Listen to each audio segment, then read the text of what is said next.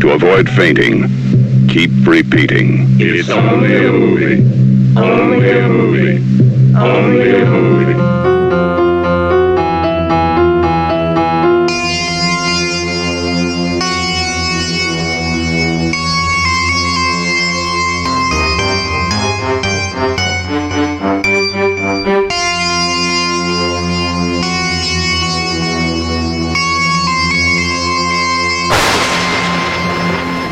Hei, kjære lytter, og velkommen til en rykende fersk episode av Attack of the Killer Cast. Norges eh, eneste og største og beste trash horror-podkast.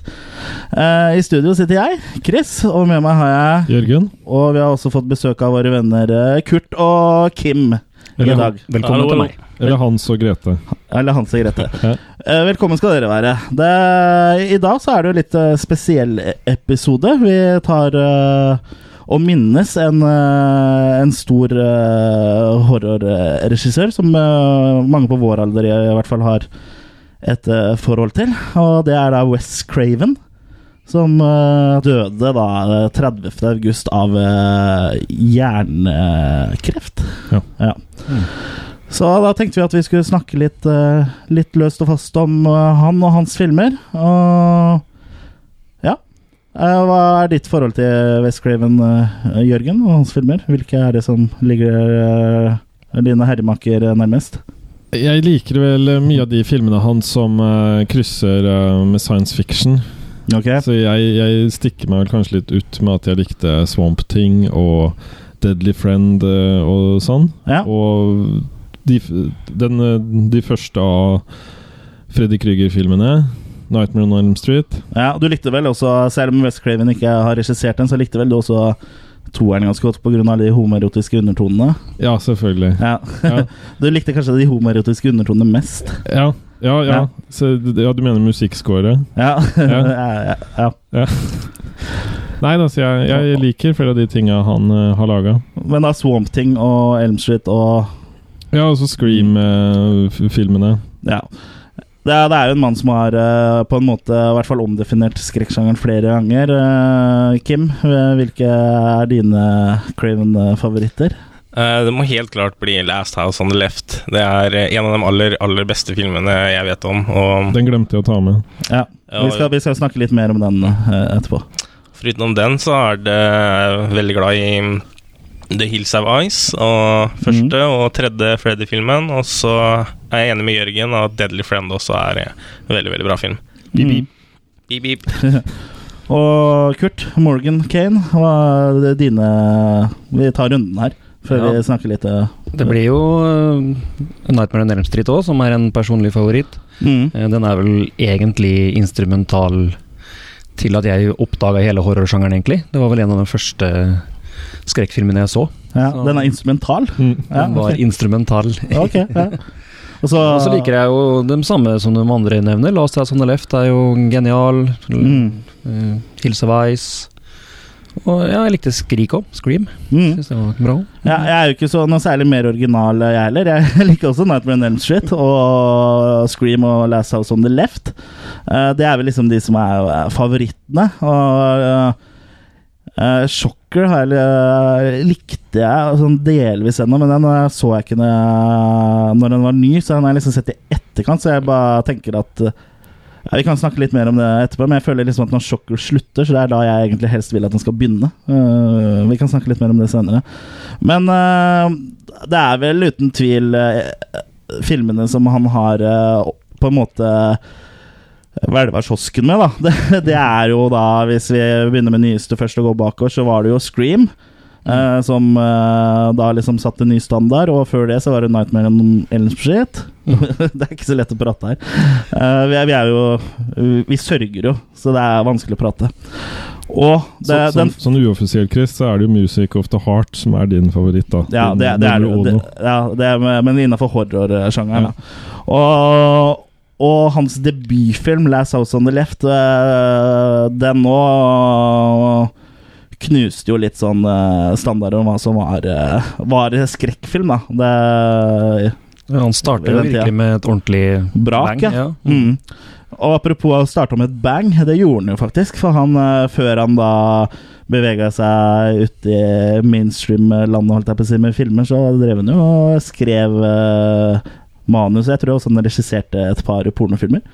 Ja vel? Ja. Yes. Jeg trodde det ble en del, jeg. At han Ja, ja, det var en del, filmer. faktisk. Men uh, da under et alias, da. Og jeg vet ikke hva det alias er, eller hvilke filmer det er, men uh, det Han brukte jo ikke Abe Snake der, kanskje. Kanskje det er der han brukte aliaset sitt, Abe Snake. Ja. Ja. Mm, som det er et alias han bruker på Når han regisserte den kjente filmen The Fireworks Woman. Ja. Nei, men uh, det, det var så vidt jeg mener å huske, så ble jo også The Last House on the Left eh, filma med kamerautstyr som han hadde leid fra da, dette pornoselskapet. Som han har jobba for. Men jeg husker jo ikke hva det var. Jeg tror ikke Det Det var ikke Brassers, tror jeg. Det, det, var, det er sikkert nedlagt for lenge siden. Så var det noe link med Deep Throat også, men uh... Ja, for jeg tror han hadde jobba på Deep Throat, skjønner du. ja. Uh, men det For han er i hvert fall med som seg sjøl i en dokumentar om Deep Throat. Oh, ja. Eh, så han har hatt et eller annet med denne å gjøre, men eh, jeg vet ikke hva.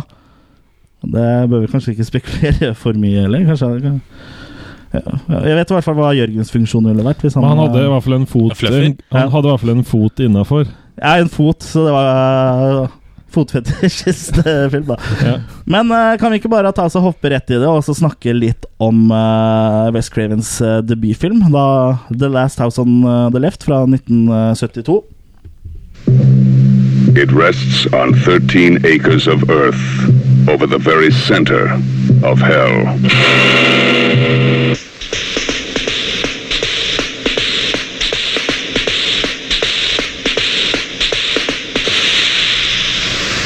Here's the first motion picture to offer to the daring a look into the final maddening space between life and death. The last house on the left. To avoid fainting, keep repeating. It's only a movie. Only a movie. Only a movie. Sights and sounds far beyond anything you've tested. The last house on the left. To avoid fainting, keep repeating. It's only a movie. Only a movie. Only a movie. Take as much as you can. Only a movie. Ja, hvis det var noe tvil, så er uh, The Last House on the Left Det er bare en film, altså. Det er Men uh, ja, The Last House on the Left kom jo uh, hardt og brutalt på kino, rett jeg på å si, i USA i 1972. Og litt sånn kort, eh, hva handler The Last House on the Left om, eh, Kim David? Det handler jo om en jente, Mary, som har blitt 16 år gammel, og mm. skal eh, ut eh, på konsert sammen med venninna si Phyllis. Um, og på veien dit så har de lyst til å få tak i noe gress, og de spør en tilfeldig fyr de eh, finner som viser seg å være sønn til en eh, massemorder som har akkurat eh, rømt fra fengselet. Og han eier da en plen, så han har masse gress. Han har masse gress. Kunstgress. Um, da blir de kidnappa og tatt med ut i skogen for uh, voldtekt og drap. Og, og etter det så tar de morderne og skal finne seg et sted for å holde liv for natta, eller et eller annet sånt. Mm. Jeg husker ikke. Uh, Ja, De eh, søker jo tilflukt på et sted, Ja. på, i et hus, da. ja. Som er det siste huset til, til venstre. Og det viser seg at det er altså huset til foreldra til Mary. Ja. Og de eh, tar jo, finner jo da etter hvert ut at eh, de har uh, torturert og, og, og, og, og sørga for at hun da etter hvert dør. Mm. Og bestemmer seg da for å ta hevn for uh, datteren da på, disse, på den gjengen her som uh, har drept henne. Særlig mora får bitt godt fra seg der. Ja. Så det, det er jo en slags rape revenge-film, da. Bare at det er foreldre som tar hevn, og ikke offeret sjøl. Jeg må jo si at The Last House on the Left er må være en av de filmene som rager høyest på min eh, West Craven-liste. Altså. På tross av at jeg er vokst opp med A Nightmare on Elm Street, som i likhet med Kurt var eh, Jeg tror omtrent den første skrekkfilmen jeg så. Så så jeg The Last House on the Left i litt senere tid, men eh, jeg syns den er veldig god, altså. Og den er jo overraskende brutal. Og Ja, grafisk, og veldig realistisk òg, på, på en måte. For den er liksom så gritty filma, og sk bra skuespillerprestasjoner og Ja, West Craven har jo faktisk sagt i ettertid at han aldri ønska å lage en så, så sterk film igjen. Ja. Men Det var vel ganske høye i den tida de laga noe? Jeg forsto det sånn? Høye Ja, at de røyka og sånn Å ja. når de laga film? ja, ikke at de uh, gikk på stylter. Nei. Nei. Ja, altså Hvilke filmskaper var det som ikke var det på starten av 70-tallet? Ja. Men uh, det, det stemmer sikkert, det. Mm. Det men jeg tror ikke det var nødvendigvis grunnen til at eh, den ble så dårlig. Men eh, ja, den er jo Den er jo noe for seg sjøl. Og David Hesso er jo Ble jo liksom litt altså, et symbol eh, e- etter dette her, da. Du har vel eh, også Mens han levde, har ikke du hatt litt kontakt med eh, Kim? Ja, jeg snakka veldig veldig lite med han på Facebook eh, et par uker før han døde, faktisk. Mm. Jeg bare sendte en liten melding og sa at jeg var en stor fan av jobben hans i filmer og musikken han laga og sånn. Og Ja. Han takka for det og, og så, Og så døde han. Og så et par uker senere så var han død, ja, dessverre. Ja. Ja, eh, for, for, for David Hess har jo en litt musikk også i, i The Last House on the Left, og det er jo også med å bidra litt til en creepy eh, eh, Den ekle atmosfæren, da. For Ja. du har akkurat sett en sånn dame, eller hun Mary, da, bli torturert og voldtatt og skutt, og så kommer det en sånn derre uh, Jolly Ja. glad tune og sånn låt om Sadian Krug. Det, men uh, det funker òg. Det blir liksom, liksom provoserende. Ja, Ja, Soundtracket er fantastisk, syns jeg. Soundtracket er jævlig bra. Og det er jo eh, også noe hvor eh, eh, gode venn, eh, som vi har nevnt tidligere, Per Ingvar uh, Tomren, også benytta seg av det samme trikset i eh, Christmas Cruelty. Hvor han også hadde sånn gladmusikk mens det skjedde helt jævlige ting. Ja, Som igjen var i Cannibal Holocaust. Ja, og som også uh, Rogero Deodato har uh, Cannibal Holocaust, da. Ja. Men uh, ja, det leser sånn det left. eh, ja, Kim? Jeg bare tenkte på kom på det at den filmen hette jo først eh, Før han ble kalt Last of Us så het den vel The Sex Crime of the Century. Ja. Og den gikk på kino med den tittelen, og det var ingen som kom og så den. Nei. Og så ble det bytta over til etterpå til The Krug and Company. Ja. Det var fortsatt ingen som så den, og så var det han, eh, han som spiller han ene politimannen, Ja. som også spiller eh, lederen for eh, Cobra Kai i Karate Kid, som sa da at du bør kalle det for Last House on the Left, for det høres veldig skummelt og spennende ut. Og Mm. etter den bytta navnet til det, da flokka folka til kinoen. Ja, ikke sant? Ja, Det er sikkert mange som blir skremt av den første tittelen hun nevnte. her, Big Sex Crime of the Century. Det, det Ja. Uh, ja. Og da lover de meg mye òg, føler jeg. Det har jo sikkert skjedd eh, verre ting. I hvert fall etter 1972. Hvilken film ville du gått på, ut ifra titlene, Chris? Det leser jeg som det left. Ja. Med Krug and Company òg, det hadde Det høres jo artig ut, det òg. Ja. det kunne jo vært en oppfølger. Uh, vi- ja, eller det kunne jo ikke vært det. Det måtte vært en prequel i så fall. da Jeg, Uten, uten at jeg spoiler for mye, men uh. jeg leste en artikkel, jeg tror det var i går eller overgår, der det, det var faktisk snakk om at det skulle bli en etterfølger til Last House on the Left. Som eh, skulle handle om at eh, Krug ble gjenoppliva på en eh, sommercamp der hvor han begynte å drepe camp leaders og ungdommer og sånn. Så det skulle jo bli en sånn à la Friday the 13-opplegg, men det ble aldri noe av. så. Så hadde det blitt en blanding av da The Last House on the Left, Nightmare on Elm Street og Ja. Friday the 13th. Det kan bli litt mye. Ja, det hadde sikkert vært. Og så kunne da Bruce Campbell vært med som Ash i tillegg og drept den. Det hadde vært konge. Ja, det hadde vært en film jeg hadde sett. Absolutt. Uh, Kurt, Last House on the Left. Ja, Det som er litt artig, er at Craven var jo ikke noe horrormann, egentlig. Nei, han var jo en pornomann. Ja, det var ikke noe han hadde forhold til, men uh, når han da fikk muligheten til å lage den filmen, så var det under øh, ja, produsentens ønske da, at det skulle være en skrekkfilm. Ja. Så da, han kom inn i det litt mm, ja, med en tilfeldighet, men så blei han jo værende der, for å si det mildt. Ja. ja, Craven hadde jo også en ganske streng oppvekst. Baptistisk, er det det det blir på norsk? I Ja. hvert fall sånn at Han fikk jo ikke se noen filmer han før han liksom var voksen og kunne bestemme hva han ville sjøl. Nettopp. Han så vel bare Disney-filmer. Ja, så han fikk jo til å se på det, altså. Jeg Nei, lurer jeg på ikke det. Jeg tror ikke så, jeg tror ikke de så noen ting. Ja, ok. For jeg tror det er liksom litt sånn at eh, Nei, sånn eh, bilder på og så, Nei, det er, det er skumle greier. Det er djevelens verk. verk. Ja. Det, jeg tror det er litt sånn, eller liksom uh, Det er jo ofte sånn med de forskjellige sektene. Jeg husker også at vi hadde noen i klassen på skolen uh, Når jeg gikk på barneskolen som var med i Hva heter det? Smiths venner. Mm. Og når vi skulle se video, sånn, så måtte de gå ut. Men etter det jeg har forstått, så har akkurat det blitt litt mer liberalt der òg. Det er jo vanskelig å gå utendørs nå uten å se en skjerm.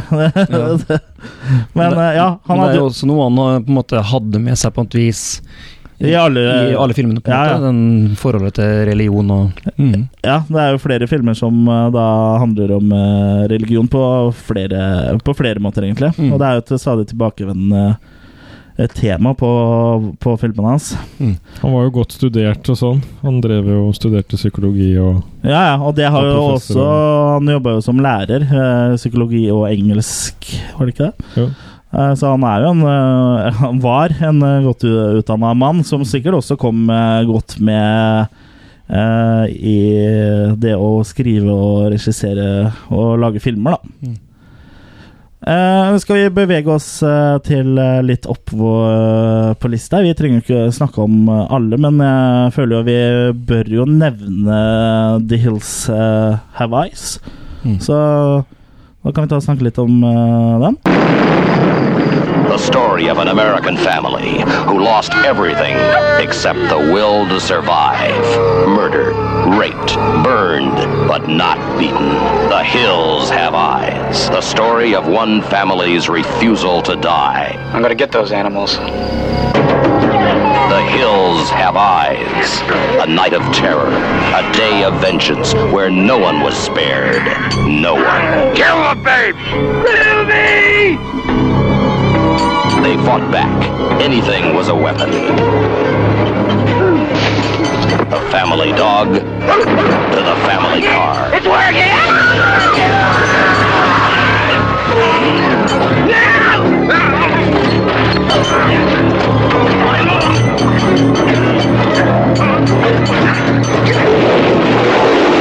The Hills Have The most shocking, terrifying film you will ever see by Wes Craven, writer and director of The Last House on the Left.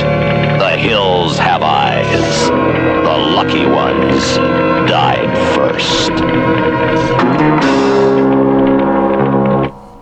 Ja, The Hills Have Eyes er da Cravens andre film, hvis du ser bort til The, The Fireworks Woman, eh, som vi nevnte tidligere, som eh, ingen av oss har hørt om. Eh, og det er jo også Den kom i 1977 og er jo også å anse som en eh, klassiker innen eh, horror, uh, horrorfilm, da. Og det, jeg, jeg må si personlig så setter jeg The Last House on the Left høyere enn The Hills Have Eyes, egentlig. Men jeg vet, uh, det er mange som Uh, som setter denne her høyt også. Og The Hills Have Eyes uh, handler i grove trekk, trekk om eh, en familie da, som uh, er på vei til California og tar en skikkelig omvei for å sjekke en diamantgruve uh, som uh, tilhører familien. Og da er det jo en kanin, eller hva det er i veien, som fører til at de kjører av veien med både bil og, og campingvogn. Og, og rett inn i den ørkenen her så er det jo noe som da bor oppå fjelltoppene der. Det er noe ondt. Det er noe ondt. Det er noe som har øyer. Men eh, ja, det er, det er jo en spennende eh, film. Jeg vet at du, du Kim David, setter den her eh, høyt på Strå. Mhm. Ja, det er en veldig bra film. Nå er det veldig lenge siden jeg har sett den, så nå Mm. husker jeg ikke alt hva som skjedde, men eh, den eh, def Definitivt en bra film. Den er også faktisk basert på en sann historie. Jeg vet ikke om du er klar over det. Fra 1600-tallet så var det en sånn innavlfamilie som bodde Ja, oppe i hilsa der, og noen kom ut på natta for å drepe mennesker, og så en av så var det noen av de menneskene som fighta tilbake, da, som gjorde at den ble tatt. Ja, ja det, når du sier det, så vekker, ringer det en liten uh, bjelle i, i underbuksa, holdt jeg på å si. Uh, jeg mener jeg har hørt det før, jeg òg. men det, det så langt tilbake som på 1600-tallet, altså. Mhm. Jeg skal jo ikke se bort ifra at det har skjedd noe på Nei. i nyere tid òg. I USA. Det er mye eh, cray-cray Ja, shit som uh, går ned der. Men uh, ja, de, denne familien blir nødt til å da å prøve å beskytte seg mot disse freaksa som da bor i, i, i fjellet der. eh, som det er eh, Ja, det begynte vel med en sånn, en sånn uh, unge som ble uh, satt ut der for å dø, og så har han bare kidnappa seg en dame, og så starta han familie. Så det er, så det er jo en helt vanlig, en helt vanlig familie. Uh, ja, hva syns du om The Hills of Ice, Jørgen?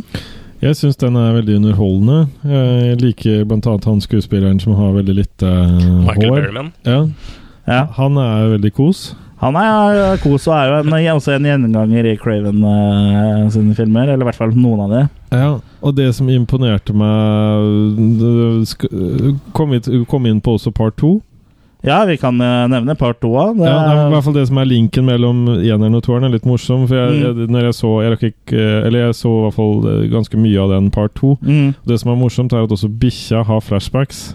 Det er sjelden du får se. Ja, det, det er jo klassisk, da. Ja, at selv bikkja blir vist at han har flashbacks. Det syns jeg er morsomt. Ja, det er Ja. gøy.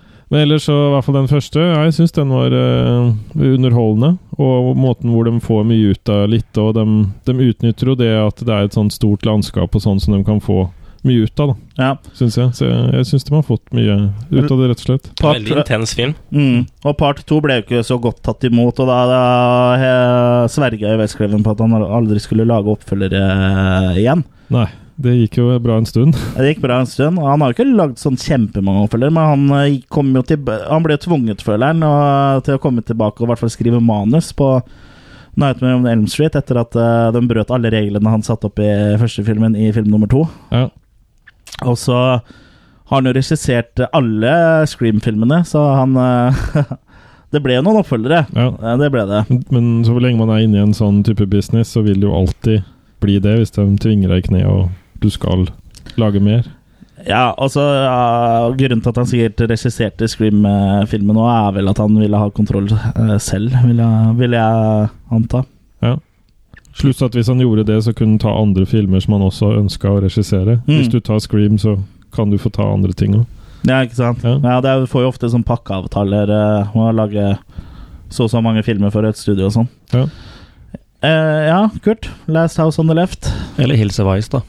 Ja, eller Jeg syns uh, også det er en glim glimrende film, ja, men veldig spesiell stemning og eh, Han var vel veldig inspirert av Texas Chains og Massacre, så den har litt sånn likhetstrekk på en måte der, men eh, Ja, det er noe. ja, men allikevel så er det en helt egen greie, liksom. Og den ble jo som sagt også så populær, da, så de lagde oppfølger etter hvert. Så Ja. Den er ikke like classic som uh, Texas og Massacre. Det, Nei, det er den jo ikke, men den, uh, ja, det er tydelig han var inspirert der, i hvert fall. Den er, den er, eh, den er kul, og jeg syns jo da Michael Berryman er liksom et av høydepunktene der. Men i jaktscenen og sånn, hvor han plutselig slår over til litt sånn der, litt mer eh, funky 70-tallsmusikk og sånn, da, Ja. da, da bryter han jo litt med seg sjøl, Ja, syns jeg. ja. Og så ble det en del sånne eh, Det ble sånn ryktefilm, akkurat som Motorsagmassakren, det og ja at det var ekte. Ja. Ja, og at folk Ja. så mye mer enn det de egentlig hadde sett, da. Så, Ja, ikke sant? Ja, for den er ikke veldig grafisk, Nei. den her. Det er noe blodsplatter her som ser ut som uh, maling, liksom. Litt sånn rødrosa-maling, sånn som filmblod så ut på den tida. Mm. Men uh, ja, det er jo det at du tror den er verre enn det det, det er. Mm. Men uh, den er jo Det jeg syns er en veldig bra film. Og norske tittelen er Vet dere hva den norske tittelen er? På The Hills of Eyes? Nei. Udyr mot død. Ja. Jeg, jeg kan aldri huske å ha sett den gitt ut som det, men uh, kanskje første gangen på VHS eller noe sånt. nå Du har den ikke på VHS, du, Kim? Nei, jeg har ikke det, men jeg må få tak i ennå, skjønner jeg. Ja, I hvert fall hvis det heter Udyr på død. det er jo helt fantastisk. Ja. Skapulf er fortsatt bedre. Ja, Skapulf er fortsatt bedre. Det, det er Skapulf skal vi snakke om i en annen eh, episode. Men skal vi se La oss eh, da kanskje snakke om eh, Deadly Blessing. Da. Den nå er jo relativt uh, kjent.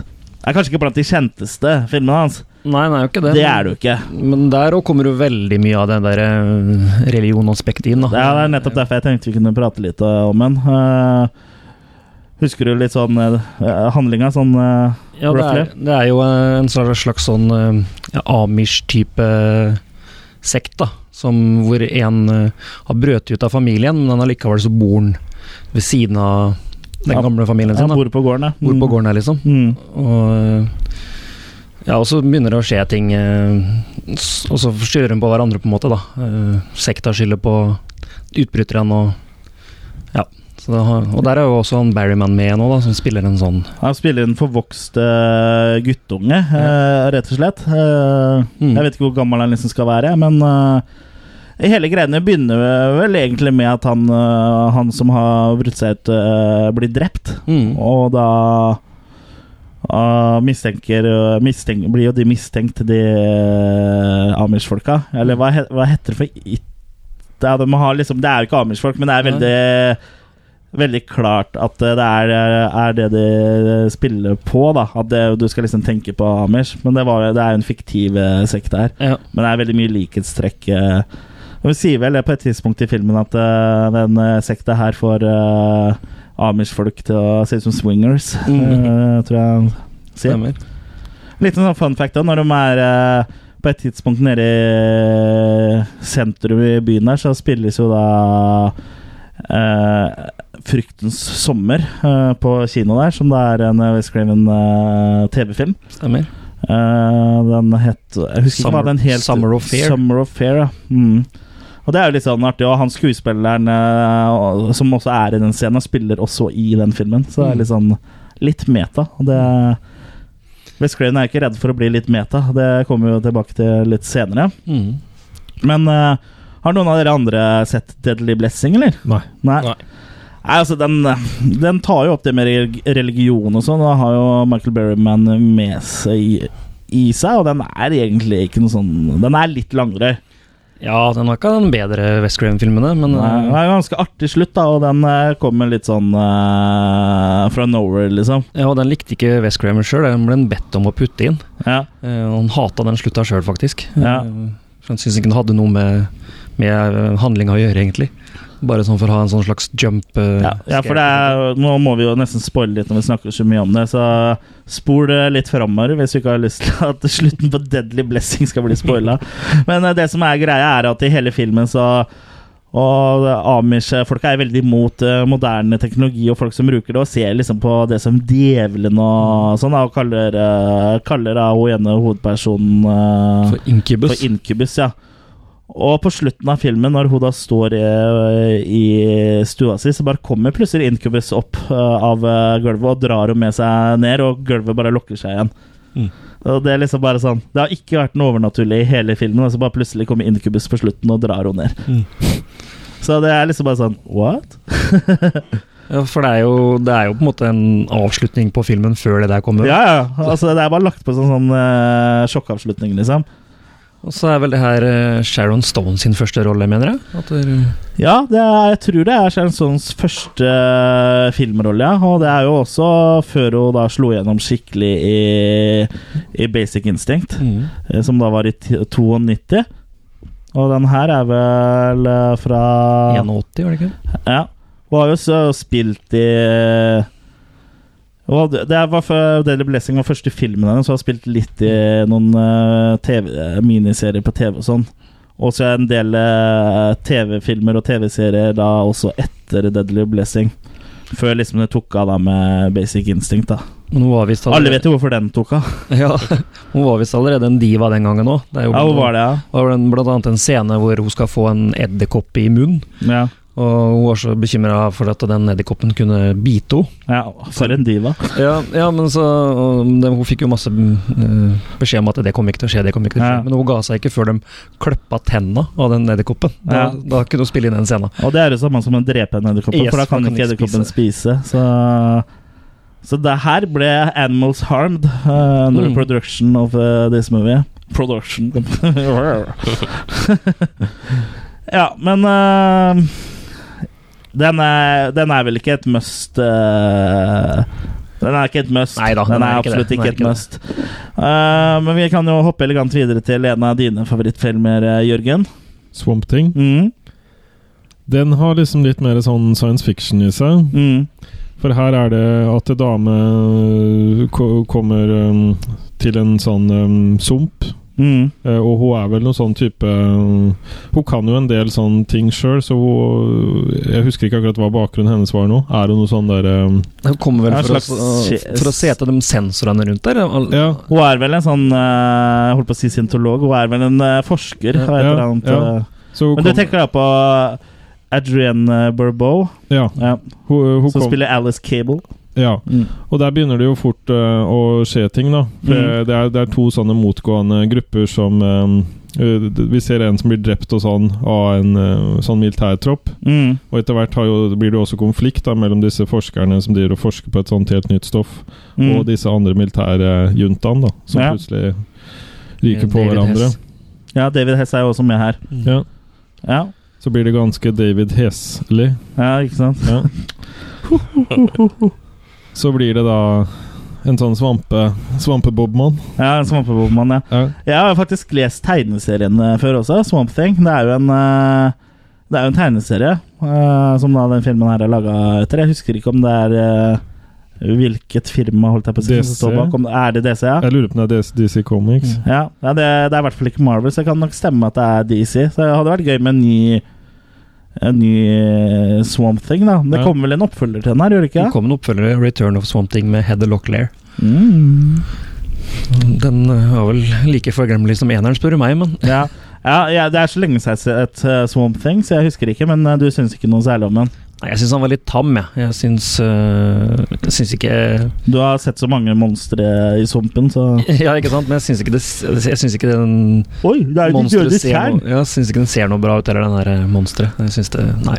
Nei, Nei, jeg var litt litt ja, sånn Du syns ikke han var noe pen? Nei, han var ikke noe søt, liksom? Kurt likte den ikke sånn seksuelt, nei. Nei, ikke sant. Nei, det var det. Ikke noe jeg tente på. Nei. Ja, det er første gang jeg har hørt det. Ja. Ja, men jeg, jeg er litt uenig, da. Jeg liker, Ja. likte den atmosfæren som var, og var vel litt tilgivelig med måten han var laga på sånn Sånn selve svampelegen, holdt jeg på å si. Sånn det så ut.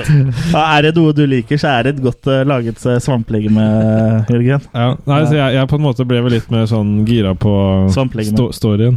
Ja, okay. Ja. Og så den, den, det der dramaet som blir mellom Eller det kjærlighetsdramaet som kommer inni der også. Ja. Men husk på i 1982, når eh, den her kom, så var det ikke så mange bra tegneseriefilmer. Det var jo liksom Supermann, eh, omtrent. Så det har kommet dårligere superheltfilmer etter dette her. Blant annet Supermann. ja, ikke sant. Flere Supermann-filmer, faktisk. Flere Supermann-filmer. Som er dårlige etter det her. Du hadde noe på hjertet, Kim? Jeg har bare én ting å si om sånne ting, og det er eh, toppløs Adrian Barbeau. Ja, da er det redda for deg. Ja Da satt hun på pause der. Ja, rewind, start, rewind, start. Ok. Freeze frame. Det er jo faktisk eh, Scenen der ble jo kløppa vekk i, i England, eller? Eller i USA, var det kanskje. Som, Sikkert i USA. Der er det mye tits. Den scenen også er en strippescene eller ellers også som ble fjerna. Det er en ganske fin rumpe der også. Ja, på Swamp Thing, eller? Ja. ja, skal vi bare da ta kanskje og hoppe Book of Invitation to eh, Hell og The Hills Have Ice Part 2. Den snakka vi litt om, med hunder som har flashback og sånn. Hvis du liker det, og ikke får nok uh, av Michael Berryman, så er det jo eh, vel verdt å sjekke ut den, syns ikke det, Jørgen? Jo. Så vi hopper da til 1984 og A Nightmare on Elm Street. The kids of Elm Street don't know it yet. But something is coming to get them. There's something out there, isn't there?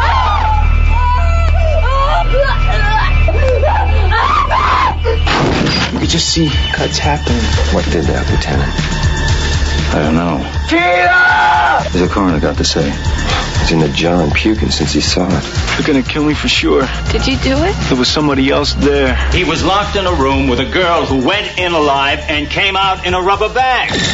No one knows where it came from or who it will visit next. Nancy? There's something wrong with you. You're imagining things. Nightmare on Elm Street. Do you believe in the boogeyman? No. Whatever you do, don't fall asleep. Ah! She's the only one who can stop it. If she fails, I'm your boyfriend now, Nancy one will survive.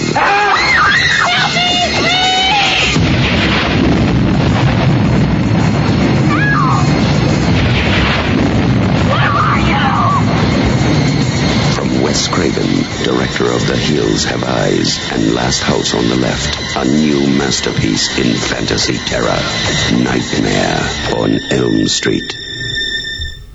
Det her er en film jeg har sett eh, mange, mange ganger. A Nightmare on Elm Street, eh, da fra 1984. Med Robert Englund i hovedrollen som Freddy Kruger. Som uh, virkelig ble et eh, popkulturelt ikon uh, på 80-tallet. Han var jo den første slasher-badguyen med personlighet. Mm. Kanskje en av de få, men uh, for da Fram til da A Nightmare on Elm Street kom, så var det jo veldig vanlig at eh, morderen bare var en uh, mute, liksom helt uh, rolig, stor fyr med maske, som ikke Det var ikke så mye skuespill å spore, men her har vi da liksom helvetes uh, morogutt, liksom. Det, for, han, Robert Englund spiller jo ekstremt bra som Freddy Kruger. Noen sammenligner nærmest litt med tilsvarende Jokeren. Ja. Hvor det også er bad guy, og hvor han spiller mer da enn det som Ja, ellers er vanlig. Ja. Han ble vel kanskje en av de første store antiheltene, på en måte. At Ja. du heia på en måte på Ja, og i hvert fall ute, utover i oppfølgerne så er det jo Freddy du heier på. Du driter ut kidsa, liksom. Du vil bare se dem bli drept. Mm. Men uh, Nightmare on Elshit' er jo en um, er en veldig godt uh, laga, skrevet uh, og regissert film, egentlig. Den, uh, det er liksom ikke noe særlig svakheter her, syns jeg, da. Nei. Og det er en uh, god, god horrorfilm, syns jeg. Og i grove trekk, alle vet jo hva den handler om, men uh, det er da Freddy Kruger som da eh, dreper uh, barna på Elm Street i drømmene deres og, mens de sover. da Og hvis de da dør i drømme, så dør de på ordentlig. Mm. Og Freddy er jo på hevntokt, ikke sant? For det finner man jo ut i løpet av filmen, fordi eh, foreldrene deres eh, eh, til de barna hadde jo Tente jo på han, altså ikke seksuelt, eh, men eh, drepte de med flammer. Fordi han tente på barna deres, eh, da seksuelt. Ja. Og akkurat den der er jo tona litt ned da i filmen. Det var et bevisst valg de gjorde, så det ikke skulle bli sånn veldig sånn kiddie porn. eh. Så ligger du liksom bare litt og ulmer under der uten at du nødvendigvis eh, eh, får det med deg. da Men han var jo en uh, pedofil, liksom. så det litt rart å sitte og heie på en forbrent pedofil, men eh, sånn ble det jo, da. Det er etter hvert. Og ja, det er som jeg nevnte innledningsvis, så er jo det Om ikke Det er nok favoritthorrorfilmen min. Eh, ja, ja, det er førsteplass uansett, liksom. Uh, og West Craven fikk jo ideen til å lage Nightmare on Street er også noe som skjedde i virkeligheten.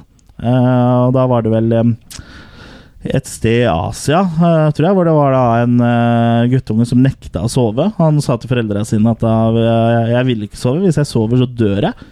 Det er jeg sikker på. Jeg kommer til å bli drept. Og, og faren, da, som var eh, ja, han, si- han var lege, da, han kunne i hvert fall skrive ut medisiner. Så han skrev ut sovepiller til ham, sånt, men det gikk fortsatt to dager uten at han sov. Og, men endelig, den tredje natta, så hadde han jo også sovna i et eh, stua eller i trappa eller hva for noe, så han bærte han inn i senga. Og på natta ble hun vekka et eh, plutselig eh, skrik, da. Sånn der At noen blir drept, typisk skrik, ikke sant. Løp dem opp på soverommet, og da soverommet hans, og da lå han og kasta seg fram og tilbake sånn i søvne, og så plutselig bare helt rolig, og så var han død. Ja, skjedde det ikke med flere òg? Var det ikke flere i samme område? Det, Det skal ha Jeg vet ikke om det var i samme område, men det skal ha skjedd øh, øh, flere lignende ting. Men det, det her var det West Craven da ble veldig inspirert av. For mm. de hadde jo også funnet på rommet hans liksom under madrassen hadde de funnet alle sovepillene han hadde fått. Han hadde ikke svelget noen av dem. Og så hadde han liksom gjemt en sånn kaffetrakter. da Eh, og liksom uh, fått laga en skjult skjøteledning som gikk ned til stikkontakten. sånn, Så han hadde jo en kaffetrakter inni skapet sitt. Så han gjorde jo alt for å ikke sove, fordi han var sikker på at han skulle dø. Mm. Og, og når han sovna neste gang, så døde han. Så det her var jo et fantastisk utgangspunkt for en skrekkfilm, tenkte jo Wes da. ja, den har jo alle trademarka til West Craven, på en måte, med sjeler og drømmer og alle sånne ting han var på en måte opptatt av. Han studerte jo mye med drømmer, Ja, ja. og brukte mye av sine egne drømmer i filmene, egentlig også. Ja, og drømmer er jo noe alle kan relatere seg til, for alle har jo hatt mareritt, ikke sant? Og det er jo fortsatt eh, litt sånn mystikk eh, forbundet med drømmer. Sånn, eh, det er jo en forklaring på det, at hjernen skal holdes aktiv, og, Mm. så, men det er jo fortsatt litt mystikk rundt det. Hvorfor drømmer vi? Og noen hevder at de er sanndrømte og kan drømme ting som skal skje, eller har skjedd. og Uh, Så det, det er veldig interessant uh, som tema, da, og enda mer eh, interessant som tema i en uh, horrorfilm. For vi liksom, hvis det er noen som kan drepe deg mens du så i drømme, eh, eller i drømmene dine, da er du jo fucked, liksom. Det er jo ingen eh, måte å rømme fra det, det på. Jeg tenkte på det du forklarte om eh, som var inspirasjon til selve filmen. Det var vel også noe annet som skjedde med West Craven når han var yngre, som ble inspirasjon til Freddy. Det Til var, Freddy, ja. Mm. var vel det at han eh, så ut av vinduet sitt på natta, og det Mm. var en eller annen skummel, mørk fyr der, og så Ja, ja. Han stått og titta Som hadde gått og snakka med seg sjøl i gata ganske Ja. høyt, tror jeg. Og så gikk han så titta han opp mot vinduet til Wes, og Wes eh, gikk og la seg igjen, og så gikk han tilbake til vinduet, og Mm. da sto fyren fortsatt der nede og titta rett opp på vinduet. Ja, ja. Og han tror jeg hadde en sånn fedora, eller sånn type hatt som Ja. Kruger eh, har også. Og så er den jo også oppkalt etter eh, en som het Freddy, da, som eh, mobba West Craven på, når han gikk på skolen. Som eh, var slem mot ham og sånn. Ja. Og så er det jo Krug-er Ja. fra Last House on Left. Mm. Så det er dobbelt så ond, ond ikke sant? Det er, det er både Krug og slemme Freddy eh, fra skolen. Det er noen som sier Krüger òg, er det ikke det? Eller er det bare Krug? Kruger, mener jeg. Altså, Mener jeg har sett det med sånn tødler òg. Ja, han skriver, skriver jo UE bare uten tødler, men eh, det er jo et navn, liksom, Ja. som eh, kan være med tødler òg. Mm. Men uh, på amerikansk så blir det uansett Kruger, for de har jo ikke en Y. Kruger. De Nei. har jo ikke den lyden der, liksom. Nei, Men- jeg mener jeg bare har sett det skrevet med begge Ja, deler. Altså, det var noe Det sånn- riktige er uh, UE. Ja. Ja, for det var noe sånn bevisst uh, tyskifisering av Krugo, at de gjorde det. Ja. Eller grunn. Jeg husker ikke hvorfor, men det, ja, tenker du på det Last of Us on the Left nå? ja, At de Ja. gjorde om fra Krug til Krüger, altså Kruger At de lagde det sånn tysk klingende. Ja, både Krug og Kruger er jo ganske tyske uh, tyskklingende. Men uh, ja, det her er jo som sagt en film jeg har vokst opp med, så jeg er jo litt sånn uh, Jeg er ikke objektiv, liksom, men jeg mener at det er en veldig god skrekkfilm. Du som har sett den litt eh, senere til, Jørgen. Tror ikke jeg ble like betatt, eh, dessverre. Det var, det, jeg sier ikke at det er en dårlig film, men uh, jeg vet ikke. Jeg, ja, jeg, jeg syns på en måte de ofte blir veldig lange. Ja, nå er snakker jeg om eneren. Ja, men, uh, men, se- ja, men den er vel ganske lang, den også? Er den ikke på en time og tre kvarter eller noe? Er det bare 98 minutter. Ja. Ja.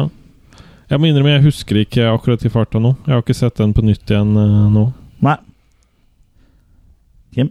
Eh, Nei, jeg er veldig stor fan av Nightmare on Elm Street, akkurat som deg. Jeg vokste jo opp med den da jeg var liten og um, sett alle. Og Freddy har jo vært favoritt-slasher-karakteren min alltid. Jeg syns jeg fore, ja, foretrekker han i, i forhold til Jason, og jeg syns egentlig flesteparten, nesten alle av Nightmare Street-filmene, er superunderholdende.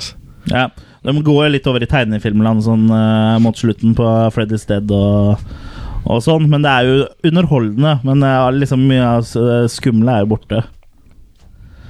Eller hva sier du, Kurt? Ja, det er jo litt sant, det. Men jeg husker jo når jeg så dem når de var nye, på en måte. Da var jeg jo ikke sånn eh, Hva skal jeg kalle analyserende på det. Så jeg, digga jo alle filmene. Ja, ja det, det gjorde jeg òg, det. Mm, så jeg syns jo det var eh, Men sånn eh, med tiden så er jo ikke alle de filmene som har holdt seg like godt. Nei, det er vel eneren og treeren og Mm. Ja, de som er den beste, kanskje. Ja, eneren og treeren, og jeg vet at uh, ikke dere syns det, men uh, jeg syns også New Nightmare er bra, da. Eh, som det blir uh, syveren, sånn, sånn sett. Fireren er favoritten min. Ja, den er det.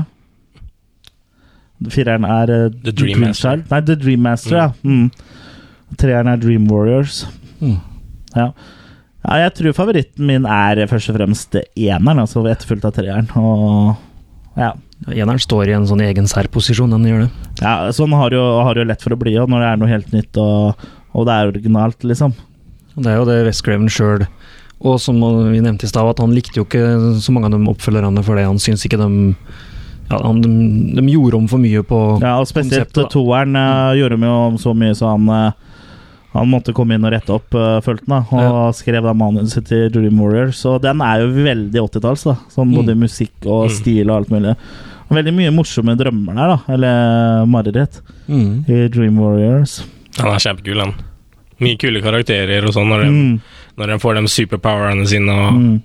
Lawrence Fishburne er vel med i Stemmer det. i treeren.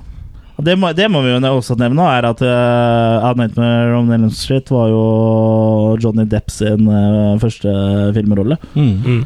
Og det, så det er jo, dukker jo stadig opp uh, nye talenter uh, her, da. Så um, Det var vel eh, I treeren nå så var det vel første rolla til hun ene dama. Jeg husker ikke navnet på henne, men det er en sånn kjent eh, skuespiller der. Ja. jeg, jeg husker ikke. Det er, jo- det er jo veldig mange skuespillere som starta karrieren sin med skrekkfilmer eh, på, på 80 80-tallet. Fran Drescher, hun som spilte The Nanny, starta jo karrieren sin i Summer of Fear.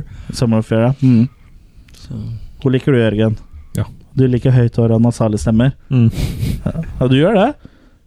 Ja, sånn uoffisielt. Uoffisielt. Så hvis du hører på høy, øh, høyt hår og nasal stemme, så er det bare å kjøre på. Ja. For du må ikke være dame, eller? Jo, helst. Nei. Jeg vet ikke om vi har så mange kvinnelige lyttere. Kurt har jo litt langt hår, men nå sitter han jo her. Men uh, vi kan jo gå videre til uh, Deadly Friend, da. Den uh, har ikke jeg sett, så den kan ikke jeg si så altfor mye om, men jeg skal få sett den om ikke så lenge. Deadly Friend, jeg forsto som at den likte du godt, Kim. Ja, um, jeg elsker Deadly Friend. Det er definitivt en av favoritt-Craven-filmene mine. Jeg husker veldig godt den første gangen jeg så den, og hvor, ehm, hvor mye inntrykk den gjorde på meg. Jeg er også veldig fan av hun eh, kvinnelige skuespilleren så her. Nå husker jeg ikke navnet på henne, men hun var en crush uh, Når jeg vokste opp. Christy Swanson, Stemmer. kanskje? Christy Ja. Swanson. Hun har vært med i masse og Ja. var en stor crush. Og, nei, den filmen gjorde veldig inntrykk på meg. Jeg var jo veldig glad i roboter og sånn. Da, og, og jeg likte den roboten her, BB. Og når Bibi ble sprengt, eller hva som skjedde, jeg husker ikke helt, så husker jeg jeg ble jo kjempelei meg. Og, Så nei, jeg syns den er eh, definitivt veldig bra. Og den har liksom har et hjerte, mener jeg. Den er eh, den er veldig sjarmerende, og den har liksom det lille dramaet der som du liksom du føler med Føler med hovedkarakteren, du føler med hun, hun, Christy Swanson og roboten og Jeg syns det, en, eh, det er en veldig bra film. Ja. Og den er vel øh, Nå har jo ikke jeg sett den, men den er litt mer over i sci-fi-delen av horror, eller? Ja, det er vel eh, litt, Siden det er roboter her og sånn, mener jeg? det er litt sci-fi, litt eventyr, eh, men eh, til syvende og, sist så er det jo en skrekkfilm, men ja, Ja. han eh, leker litt med science fiction her, ja. Ja.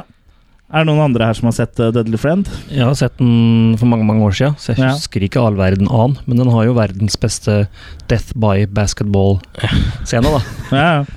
Den scenen var helt klippet bort i den norske versjonen. Når jeg, når jeg så den uklipte versjonen mange mange år senere, så bare What the fuck er det her, liksom? Hvorfor har jeg ikke sett det her før? Ja, ja, dere to som For du hadde ikke sett den? Jo, Jørgen? jo. jo du har sett den? Ja, jeg også likte den. Ja. Så er det, noe, er, det, er det en blant Cravens beste, syns dere? Du, du syns jo det? Ja, jeg syns det. Jeg syns den eh, er en av de beste. Ja. Jeg syns jeg husker vel den som litt uh, kjedeligere, jeg for min del. Men, Ja. Så det er ikke en av mine favoritter, men den var jo bra, den òg. Jeg tror en av grunnene til at jeg liker den, er annet at han minner meg om den Short Circuit-filmen. ja. Short Circuit er jo Ja. jævlig konge. Ja, så jeg har liksom litt Litt greie for sånne robotfilmer, tror jeg. Mm. Og særlig hvis det er Ja, også særlig hvis det er robotstyrte damer. Det, det syns jeg høres appellerende Mm. Nå er ikke det hun dama robotstyrt, men Weird Science er jo en film for deg da, hvor de programmerer sin egen eh, drømmedame. Ja. Den er bra, den så Den vi sammen, ja, Kurt. Den er jo veldig bra. Ja. Uh, kanskje, kanskje det kommer en episode med Weird Science eller uh, Short Circuit. Det er jo innafor, begge deler. Men uh, ja, skal vi ta og snakke om uh, noen flere Wez-filmer? Er, eh, det er vel ingen her som har sett noen av Twilight Zone-episodene han har regissert, eller? Han lagde um, sånn typ fem episoder i 85-86. Ikke som jeg er klar over, ikke som jeg har bedt meg merke at det var han som lagde dem. Nei, ikke jeg heller. Twilight Zone har, har liksom ikke vært så på poppis i Norge, egentlig. Som Nei, i USA. Jeg har jo sett litt av det. Jeg syns det er bra. Jeg, jeg, det sett, gikk vel på Filmnett eller sånn i sin tid, tror jeg, så jeg tror jeg tok opp noen episoder Ja, sånn den gangen. Men jeg har sett mest av det som er uh, i svart-hvitt. Jeg vet ikke om det er fra Gamle, ja. 50- eller 60-tallet. Det er kanskje 50. Mulig. Men uh, da trenger vi ikke snakke så mye om The Twilight Zone det er nå. uh, så kan vi heller gå videre til The Serpent and the Rainbow. ja, som var vel den siste filmen jeg så nå på nytt igjen, da. Ja. Uh, jeg husker jo den som en veldig sånn mer thriller, kanskje, Ja. med overnaturlige ting og Det Ja, er jo sånn voodoo Kan du bare si kort hva den handler om? Ja. Så vi Ja, det handler jo om noen fyrer som drar til Haiti for å studere ja, voodoo og no, en zombie, egentlig. De har kommet over at det finnes, finnes zombier der nede. Ja, At de har vekka til live igjen eh, folk, da, rett og slett. Okay, Ja. De drar ned for å finne ut av greiene der, da, og så, ja. Mm. Eh, så jeg husker den som veldig spennende, nesten sånn litt sånn noir. eh, Litt film noir. ja, Ja. men når jeg så den igjen nå, så syns jeg vel ikke han var like Holdt seg ikke like bra. Nei, jeg syns ikke det, egentlig. Jeg syns egentlig han var litt sånn Ja, det er jo mange filmer fra 80-tallet som på en måte har, uh, har tapt, seg, tapt seg litt. Uh, og det er jo ikke Tilfellet her er jo, jo Det er jo tilfellet også med en del av filmen til West Craven, og sånn er det jo med alle regissører omtrent. Det Han er liksom litt sånn eh, og i hvert fall når budsjettet liksom ikke er megastort, men sånn eh, halvstort og Han fyren det handler om, blir jo blant annet eh, tatt av eh, stedets eh, Hva skal jeg kalle det? Høvding. Okay. og blir sendt hjem flere ganger og kommer tilbake igjen. Og, ja, ok. er som en uh, zombie. ja, på slutta, ja. Men uh, Ja. Mm. ja spoiler. ja, uh, hvis du har hørt på Attack of the Killer Class fram til nå, så vet du at her, her kommer spoilerne på som perler eh, på snor for eh, svin. Ja, er det noen av dere andre gutta som har sett eh, Serpent and eh, Rainbow? Kim? Ja, jeg har sett den én gang veldig veldig, veldig lenge siden. Jeg var veldig ung da jeg så den, så jeg husker veldig lite av den. Du er fortsatt Men- veldig ung, da. Eh, takk. Eh, men det var én scene som var den filmen som har, eh, som har sittet ved meg i alle disse åra. Eh, prøver ikke å spoile så mye, men involverer en eh, hammer, eh, en stor eh, bolt og eh, Vaselin. testikler. Og jeg husker den ene linja som han sa. I wanna hear you scream. Mm. Mm. impromptu genitalie uh, piercing. Nå smiler Jørgen veldig bredt her. Det er jo rett opp hans uh, Ja, men holdt jeg på å si. jeg prøvde jo liksom å ymte frampå om det var vaselin også. Ja. Bilopphøggers. Kim, Det var Kim nok ikke det. vek ikke fra en tomme. Nei.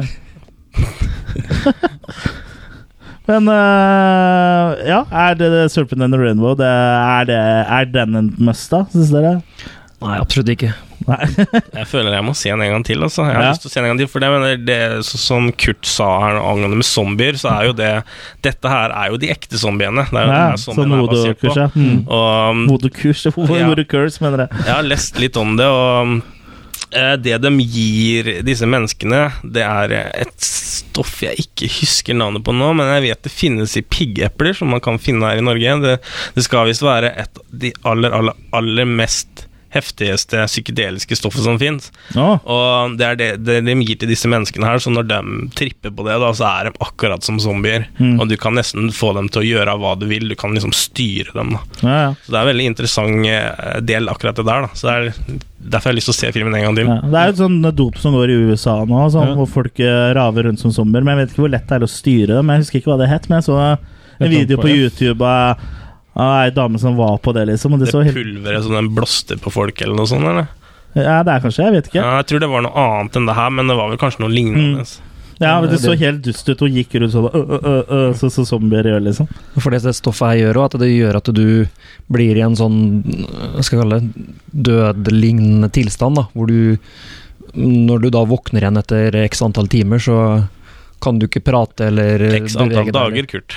Nei, jeg tror det var snakk om tolv timer de snakker om bare. Ja, ja jeg har lest noen uh, tripprapporter på diverse un norske undergrunnsforum. En tripprapport? Ja. Tripprapport, ja. Der hvor folk uh, skriver at de har tatt det her, da. Og jeg husker jeg leste en skummel historie der var en fyr som tok det, og han gikk ned på en sånn uh, lekeplass og så masse gamle folk fra barndommen som han snakka med, og tok en røyk sammen og sånn, og det viste seg et par dager senere så var han på sjukehuset, og kameraten som hadde passa på han, sa at han løpte rundt naken i gatene foran biler og snakka med folk som ikke var til stede, og Han blir russ igjen, altså.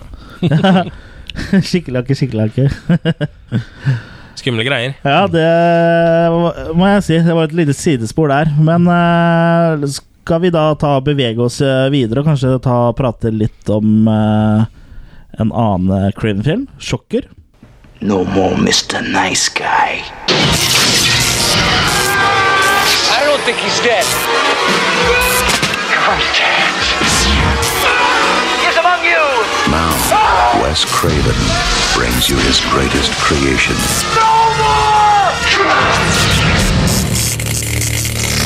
Shocker.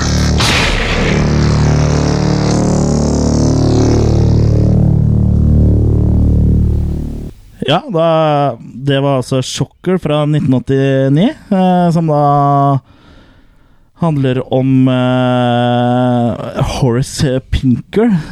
Veldig fint navn her. Som da er en uh, en eh, seriemorder som da blir eh, dømt til døden og blir da sendt eh, Sendt til en elektrisk stol, holdt jeg på å si. Han eh, skal dø, da. Ved å bruke den elektriske stolen. Og det går jo ikke helt uh, som det skal. Ikke for uh, statens uh, og det, etterlatte fra ofra sin del, for han har jo fått sagt en sånn liten voodoo curse, eller hva han holder på med, så han blir jo da på en måte strøm. Og kan da ta over alt som er av strøm, og ja kom, Han kan ta over kroppene til folk, han kan uh, komme ut av TV-er, og han uh, uh, Det er jo Ja, den er jo litt out there, den filmen her. Det på, virker nesten som det er, er et nytt forsøk på å lage en sånn slags Nightmare on Elm Street-franchise. da Men det ble jo bare den ene, ene filmen her, da. Og det kan jo være mange grunner til det, for den Det virker som hun ikke helt vet eh, selv eh, eller hvor den vil, den filmen her. For den er jo i mange Den er eh, overalt. Eller hva? Ja, jeg er enig i det du sier. Dette er en av mine minst favoritter av Craven-filmene. Eh, Som du sier, den er litt overalt. Jeg syns uh, Craven kanskje tok av litt for mye med å prøve å eh, legge til mye eventyr uh, og sånn, så det ble litt for mye av det gode. Eh, Filmen har masse plotthull og mye ting som ikke gir mening i det hele tatt. Og, Nei. Ja.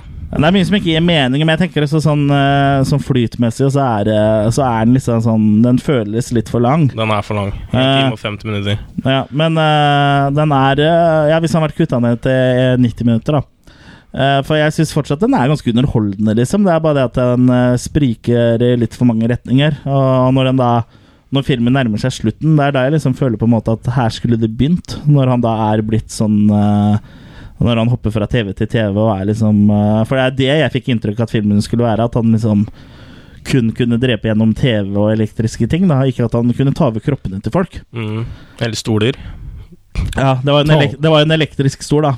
Eh, som han uh, Og der òg, når han har be- tatt over den stolen og på en måte eh, er smelta sammen med den stolen, så får du også litt sånn uh, Freddy Kruger-vibber. sånn som for eksempel i Det er vel i Dream Warriors, eh, tror jeg, hvor Freddy sitt hode kommer opp av den TV-skjermen og kommer armer ut og sånn. Welcome to prime time, bitch. Ja. Og det, altså det føles på veldig mange måter som en slags Nightmare on Elm Street eh, rip-off. Altså. Litt sånn videodrome òg, eller? Uten at jeg har sett uh, Sjokker nå, men Ja, ikke, ikke så veldig. ikke sånn. Nei, Videodrome er jo mye bedre. Uh, men altså, jeg har fant underholdning i sjokker. Altså, jeg syns også det var spesielt morsomt når uh, han eh, hovedpersonen ble jaga av Pinker da, gjennom masse forskjellige TV-kanaler. Ja. Det var det, var- Hvor de da det var for noen sånn gammel uh, arkivfilm fra noe annen verdenskrig, så kom den plutselig løpende der, og det, ikke veldig, var ikke så veldig bra gjort heller, men det var liksom Det syns jeg var morsomt, da. Så jeg syns Shocker er morsom, men den er liksom Den er ikke stram nok, da, og den er uh, Det er for mye hull, som du sier, og den uh, den greier ikke å holde liksom storyen straight, da. Den vil liksom for mye. Ja. Liksom for eksempel I Nightmare on Elsa så gir det veldig mye mening, for der skjer alt i drømmene. Ja, ja. Men her så skal det liksom skje i det virkelige verden, og det er, det er liksom der mye av det Mm. skjærer seg. Ja, det er det også at det liksom uh, kunne holdt seg til at han uh, kunne transportere seg uh, ved hjelp av elektrisitet, da, og ikke ta over menneskekropper og sånn. Mm. Nå er det jo elektrisitet i menneskekropper òg, men liksom Det er det jo i alt. Alt har jo en eller annen ladning. Ikke sant? Så, Ikke sant, Jørgen? Ja. Sp- Spesielt Jørgen har en uh, god ladning på gang her, da. Eh, du, du har sett Sjokker, Kurt. Ja, men det er veldig mange år siden, så jeg husker ikke Men jeg husker Du er så gammel. Ja, ikke er så jævlig gammel. men eh, jeg husker han var underholdende, jeg, så jeg likte den den gangen i hvert fall. Så Jeg liker også veldig godt han eh, som, som spiller hovedrollen, da, som spiller Horace Pinker, eh, Mitch Pileggi. ja. Han er kanskje mest kjent eh, som da sjefen til Mulder og Scully i X-Files. Ja. Han spiller også i Sons of Anarchy som en sånn der, eh, nynazistleder. jeg husker jo veldig godt musikken fra filmen, jeg, da. Soundtracket her er jo fullt av masse metal-band og Så jeg har nesten hørt soundtracket mer enn jeg har sett filmen. Ja, det er veldig bra Uh, Veldig bra soundtrack, og uh, du har jo også en låt av No More Mr. Nice Guy. Ja, Som egentlig er en gammel Alice Cooper-klassiker, men som her er covra av Megadeth og er eksklusiv til eh, soundtracket der. Mm. Det ble jo en slags eh, hit, av i, men jeg husker eh, den musikkvideoen ble spilt mye på MTV og sånn. Mm. Så, mm. Og catchphrasen vi hørte i videoen her, hvor han sier 'No more Mr. Nice Guy', Det er jo ikke med i filmen. Bare i Bare, i traileren. bare i traileren. Mm. Ja. Så det er sånn typisk sånn Filma for traileren, Mm. og så droppa de i filmen. Og det, det er litt kjipt, da, for jeg satt og venta på det. Mm. Er du helt sikker på det? For jeg så den filmen i går. Jeg er ganske sikker på at den ble sagt én gang der. Altså. Ja, men han sa det ikke der. Han sa det senere i filmen. Ja, ok. Også som, det føles jo også som snakk om at det her kunne vært en sånn type franchise-greie. At det kunne komme oppfølgere og sånn, men det, han ble nok ikke populær nok. Så. Den ble nok ikke det, og den Beklager, jeg er litt forkjøla. Eh, Den ble nok ikke det. Det føles jo veldig ut som på slutten at det legges opp til en toer. Mm. Det gjør det, men så eh, ble det aldri noen toer. Men du trodde han kunne bli bedre i toeren enn i eneren? Ja, altså jeg føler at liksom eh, der hvor Sjokker slutter, eh, føler jeg liksom at å, nå begynner det, eh, begynner det på en måte. Og at jeg tror at Sjokker 2 kunne blitt en film som jeg kunne trykka til mine herremakes, da. Ja. Det var synd det ikke kom en til. Da. Ja. Og det er jo ikke sikkert den hadde blitt bra, den heller. Nei. Men eh, Ja, jeg vet ikke altså, om det er noe eh, om, eh, Jeg føler vel ikke at den eh, er verdt å sette opp på must see-lista over Craven-filmer, for uh, du får jo det som er her, får du jo i andre Craven-filmer, bare bedre. Uh, som i Nightmare on Elm Street. Så Men vi kan jo kanskje ta og snakke om en film som i hvert fall jeg syns er ganske god. Og det er da The People Under The Stairs. Veldig bra. Mm. Mm. Kjempebra film. Mm. Eh, hva handler eh, The People Under The Stairs om, eh, Jørgen? Det er jo, um, det er jo en sånn getto, egentlig, uh, Mm. hvor flere blir kasta ut fra et sånt uh, bygg. Og det, det her er da den siste familien etter tror jeg skjønner, som står igjen for å få Mm. revet det bygget. Og um, de kommer fram til det Eller det, det er han yngste der som da må prøve å redde da, uh, dem fra å bli kasta ut. Mm. Og da er det at uh, han Som heter Fool. Ja, han blir, Eller blir kalt fool, da. I'm pity the fool. Mm. Uh, og så uh, blir han da på en måte med uh, to andre bekjente som er eldre enn han, som de da skal prøve å rane husvertene. da. Og det er jo da, der også vi møter da såkalt folke under trappene, Mm. som lever der hos de uh, husvertfolka. Ja, mamma og pappa, som da er eh, søsken. Søsken, ja. Mm. De er litt forstyrra. Og de som da er under trappa, er jo da barn som de har kidnappa, og som de liksom på en måte har hatt som sine barn, helt til de da har eh, Vist seg å være onde. Ja, som å liksom snakke imot dem, eller gjøre ting de ikke eh, godtar, da, eller setter pris på. Ja. Det er vel noe sånn eh, stå, Det er vel et sånn slogan som står, eh, står i huset her, hvor det står eh, 'See no evil, hear no evil, speak no evil'. Ja. Og det er liksom da det du skal følge i huset her, da. Ja. Så det er jo én karakter her blant annet som da tydeligvis en gang har uh, spika evil, da, som da har fått kutta av tunga si. Roach. Roach, ja. Stemmer. Det er jo uh, Jeg syns at The People Under the Stairs er en uh, veldig morsom film. Han har litt sånn eventyrpreg over seg. Jeg vet ikke helt hvordan jeg skal sette eh, en kvapsete pekefingeren min på det, men, eh, Ja, men den, den er i hvert fall veldig gjennomført. ja, det, jeg fikk liksom litt grann sånn Goonies-feeling, på en måte. Nei, jeg så, jeg så den for første gang eh, for eh, en uke siden. Ja. Og jeg liksom eh, kan jo ikke skjønne at jeg ikke har sett den her når jeg vokste opp. For det er jo absolutt eh, en sånn film som er, eh, er i min Elm Street, da, for å si det sånn. Ja. Er veldig underholdende og bra spilt og Ja. Mm. Jeg liker veldig godt People Under the Stairs. Veldig Du har noen folk under trappa di òg, har du ikke det? ja. Ja. Den har jo veldig spesielt premiss, egentlig, hele filmen. er veldig sånn noe eget over seg storymessig og sånn. Ja, og så er jo protagonisten er jo en uh, liten uh, svart gutt. Det òg mm. var ikke så veldig vanlig. Nei. Og det huset eh, med disse folka i kjelleren, og han som gjemmer seg i veggen Ja, Roach er det vel som løper rundt i veggene. Veldig, veldig sprø, ja, sprø story. Ja, også sprø, sprø karakterer. Spesielt sånn uh, Mommy and Daddy der òg. De må spiller jo helt over the top, liksom. Men det er mye sånn over the top-skuespill her, men det funker bra, da. Jeg syns det er uh, Jeg syns det kler filmen godt, da. Men han ene som eh, hjelper eh, han uh, The Fool å bryte seg inn eh, Hvem eh, Hva annet har han vært med i? Wing uh, Rames, han har vært med mye, han. Ja, Fiction. han var så Pulp Fiction, Ja, det er, ja, det var bare et kjent fjes. Dawn of the Dead-remaken. Mm. Mission Impossible-filmene. Ja. Ja, masse. Ja. Så er filmen uh, har en del uh, gladord, holdt jeg på å si. En del kule scener og sånn. Så Mm, jeg er også, samme som dere, er veldig glad i People Under the Stairs. Det er en veldig bra film, men jeg har ett problem med den. Um, jeg føler at den blir ofte veldig uintensjonell morsom. Ja. Det er veldig mye humor inn som egentlig ikke burde ha vært der. For når den filmen kom på video, så skulle dette være den nye, store, superskumle skrekkfilmen. ja. Og jeg føler at den filmen her kunne ha vært mye bedre, hadde den vært litt mørkere, og ikke hatt av den uintensjonelle humoren som er Ja, er så er den jo veldig lys også. Det er jo mer som Goonies-eventyrpreg. Nå forsvinner stemmen min helt. Dere får bare bære med meg, lyttere. Du snakka annet om dem, dem foreldra som eh, Mm. Spoiler, egentlig er søsken. og de um, Spoilertoget har gått, ass. Sånn er det i Attack of the Gill Guys. Ja. Um, de, de spiller veldig bra, men jeg føler også der også er det veldig mye uintensjonell humor som kommer fra dem, og som gjør at uh, filmen faller litt for meg, da. Så Den kunne ha vært Ja. litt mørkere, for filmen er jo egentlig i seg sjøl mørk, med, med tanke på hva de sier gjør med ungene sine og alt Ja, ja. der. Men, så det faller litt for meg, da. Så jeg har eh, fått spørsmål før, liksom hvilken, hvis, du, hvis du skulle velge en film som du vil se en remake av, hva ville det ha vært? Og da, tenk, da er det alltid den filmen her som først kommer opp i hodet mitt. Det er ikke det tenke å se en remake av en som er mye mørkere og skumlere. Og det kommer veldig jo stort potensial. Det kommer en remake nå, en TV-serie. TV okay. Mm.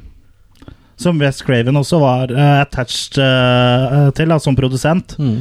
Og de skal fortsatt lage den, selv om han da har uh, takka for seg. Mm. Som det også høres ut som jeg snart jeg kommer til å gjøre. det, er det er litt sexy òg, da. Eller hva syns Jørgen? Jo, det, er, det funker, det. Ja. Whatever rocks your uh, Kak.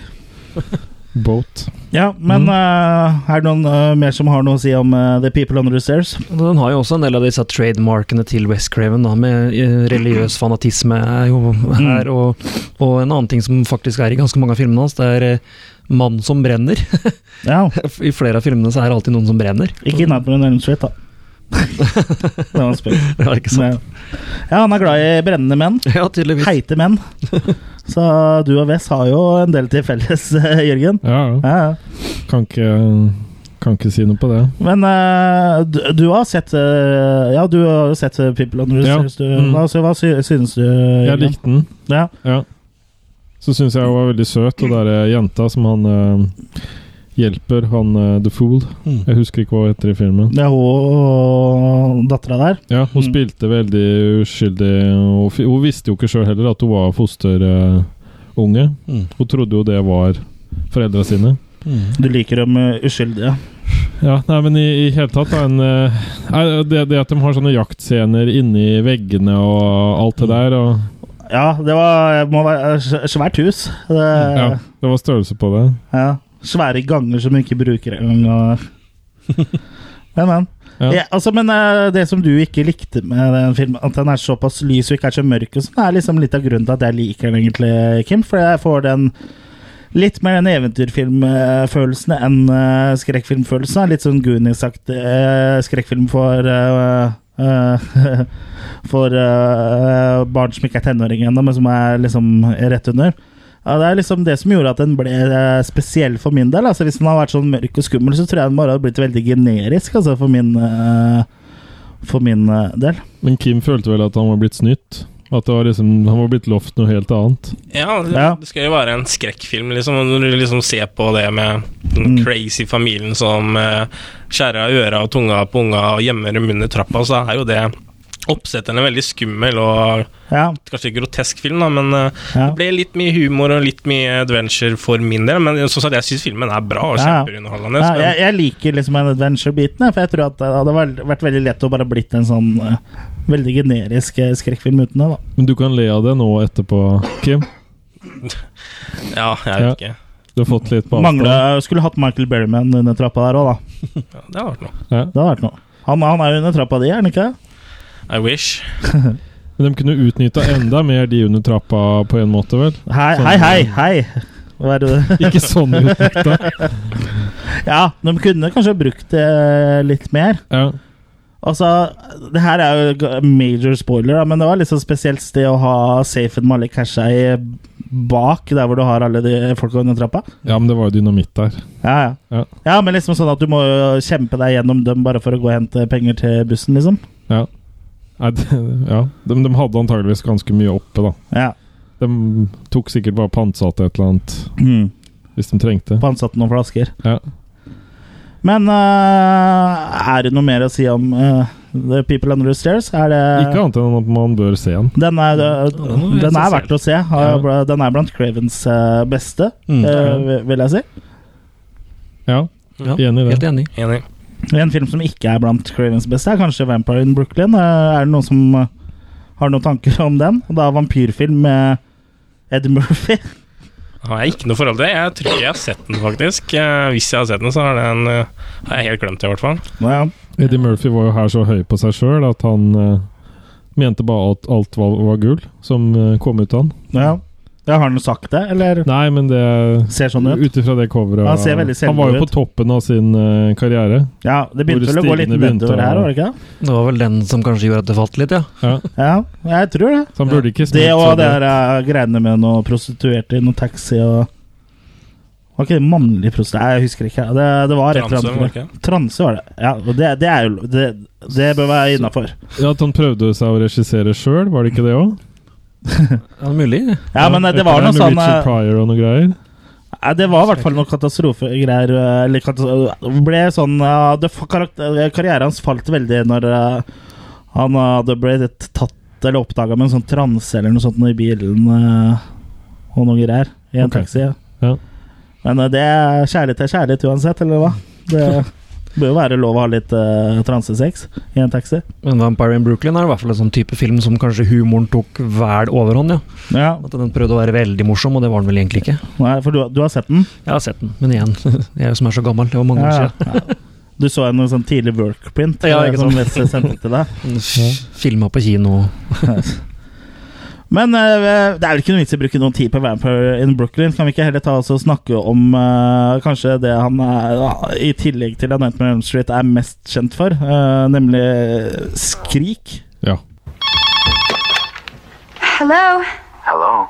Who is this? You tell me your name, I'll tell you mine. I don't think so. What's that noise? Popcorn. You're making popcorn? Well, I'm getting ready to watch a video. Really? What? Oh, just some scary movie. You like scary movies? Uh huh. You never told me your name. Why do you want to know my name? I want to know who I'm looking at. Someone is playing a deadly game. It all began with a scream over 911. Someone who's seen one too many scary movies. Now he's taken his love of fear Hello? Hello, Sydney. one step too far. Do you like scary movies? What's the point? They're all the same. Some stupid killer stalking some big breasted girl who can't act who's always running up the stairs when she should be going out the front door. It's insulting. There are certain rules that one must abide by in order to successfully survive a scary movie. Number one, you can never have sex. Shut this me. Never, ever, ever, under any circumstances, say, I'll be right back. Because you won't be back. Get another beer, you want one? Yeah, sure. I'll be right back. He didn't make the rules. Police are always on track if they watch prom night at same time. He just kills by them. Don't answer the phone. Don't open the door. Don't try to hide.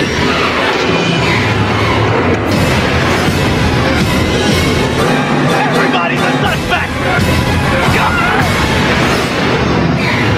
Not scared, are you? Scream.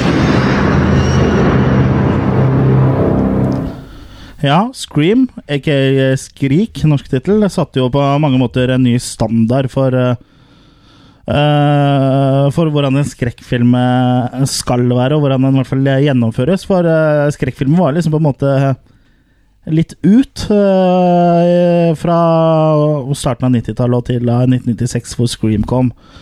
Og, og den ga jo på en måte en sånn vitamininjeksjon inn i skrekkfilmsjangeren og revitaliserte hele greiene. Og førte selvfølgelig med seg tusenvis av kopier. Og i mange, mange år etterpå, kanskje det er en viss grad i dag, så lages jo eh, skrekkfilmer over eh, samme lest som eh, eh, Skrik, da. Og spesielt da med å istedenfor å gjøre det på en eh, bra måte som West Craven eh, gjør da, spesielt i Scream 1, så pøser de jo på med sånne her, eh, jump scares hele tida. Det er jo en uting. Veldig uting. En katt som hopper, og så har du et symfoniorkester som får hjerteinfarkt samtidig, liksom. Det, men eh, nok om det. La oss eh, snakke om eh, Scream. Det er, er jo en veldig eh, på en måte selvbevisst film. Den er jo veldig meta. Ja. Og det funker jo kjempebra. Du, det er nesten sånn han kan fortelle deg hele tida hva du kommer til å få se, Ja, og likevel så funker det veldig bra. ja og jo Det er enda mer som ser hvis du da har sett en del skrekkfilm i utgangspunktet, ikke sant? Men for, uh, for den som ikke har sett de filmene vi snakker om her, så fungerer den jo på en måte som en vanlig skrekkfilm. Men for oss som har sett liksom alle filmene de da snakker om, og alle reglene de snakker om, eh, som du også hørte litt i traileren her, så gir den jo liksom litt ekstra, da. For det er, den blir veldig meta og, og selv, selvbevisst, da. Og han gjorde det jo egentlig allerede med New Nightmare òg, så hadde han jo Ja, der Det aspektet. Ja, jo- der òg var det jo veldig meta. Det, Ja. Hvis du ser New Nightmare sånn i etterkant, så ser du på en måte at den er liksom på en måte Selv om det ikke er han som er eh, Det er ikke Wes eh, som har skrevet Scream, men du ser på en måte at den metagreia som er der, liksom, det er eh, Den er liksom til stede i New Nightmare. Så New Nightmare er liksom på en måte sånn eh, prequel, forløpertype til uh, mm. uh, Scream, da, for uh, også der har du de telefonsamtalene, og det er liksom sånn film i en film, og liksom snakker om filmregler og, Mm. og sånne ting, da. Så New Nightmare er på en måte liksom forløperen til Skrik, sånn sett, da. Men ja, Skrik er jo liksom Ungdommer blir drept av eh, en eh, mann i, i maske. Mm. Det er handlinga. Sånn eh, veldig grovt shoppa opp, da. Ja, det er litt rart at han er såpass uh, uh, ukonvensjonell konvensjonell, på en måte. Han, Ja, ja. Den har jo ikke noen noe Den har jo bare tatt et veldig basic plot, liksom, Ja. og så bare løst det på en annen måte. mm. Ved å da være veldig meta og selvbevisst, da, og på en måte appellere litt da til uh, skrekkfilmfansen. og så kan det jo diskuteres om de kanskje dro det litt for langt videre når de da snakker om oppfølger og og nå er det liksom film nummer tre, da kan alt skje. Da kan til og med hovedpersonen dø, så du er ikke trygg, eh, Sydney. Og det, det dras kanskje litt i mange retninger sånn utover i, i oppfølgerne. Og- men eh, jeg må jo si at Scream, uh, første filmen, er jo vanvittig bra. Og det at folk ble jo bare sjokkert over at Drew Barrymore uh, ble jo drept før uh, tittelskjermen, liksom. Det, det var liksom sånn Det skjedde jo ikke før, ikke sant? Men det var lurt av å velge det å være den som var først i filmen og ble Ja, drept. det var- for det det, er det å bli huska for Ja, i filmen. Jeg er mener, jeg mener å huske at det var det hun ville òg, ja. Ja, For jeg mener at hun ble casta Eller liksom sånn le, Leste til Eller var på audition for rollen til eh, som Sydney, ja. Mm. Og, ja, men så ville heller hun ha den i starten, for hun tenkte at det var eh, kult, liksom. Og, og det var det jo. Og den eh, startscenen der er jo fantastisk. Mm. Så eh, jeg må jo si at Skrik er nok kanskje mesterverket til Westcraven. Det er kanskje Sånn hvis du tenker på eh, Nå er det ikke han som har skrevet, men hvis du tenker på liksom hvor tight filmen eh, er satt sammen, og alt det metagreiene, og på hvor mange plan den fungerer, så så er den jo Den er jo veldig fullbyrda, på en måte.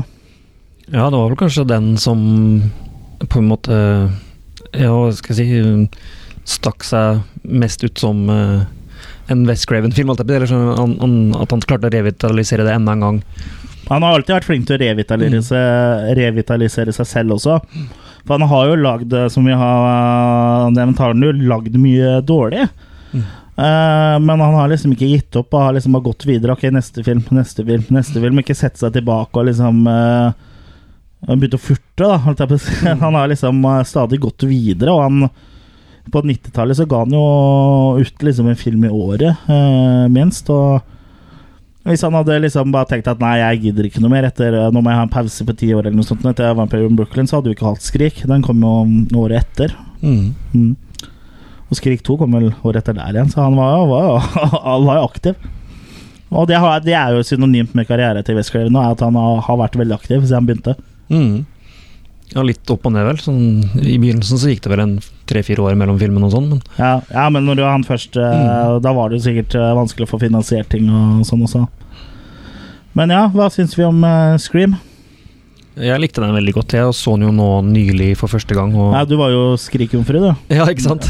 Så jeg har kun sett den første òg, jeg, da. Men uh, jeg syns den var veldig bra. Jeg syns den fungerte Mm. ja, Så nå er, nå er du bare vanlig jomfru?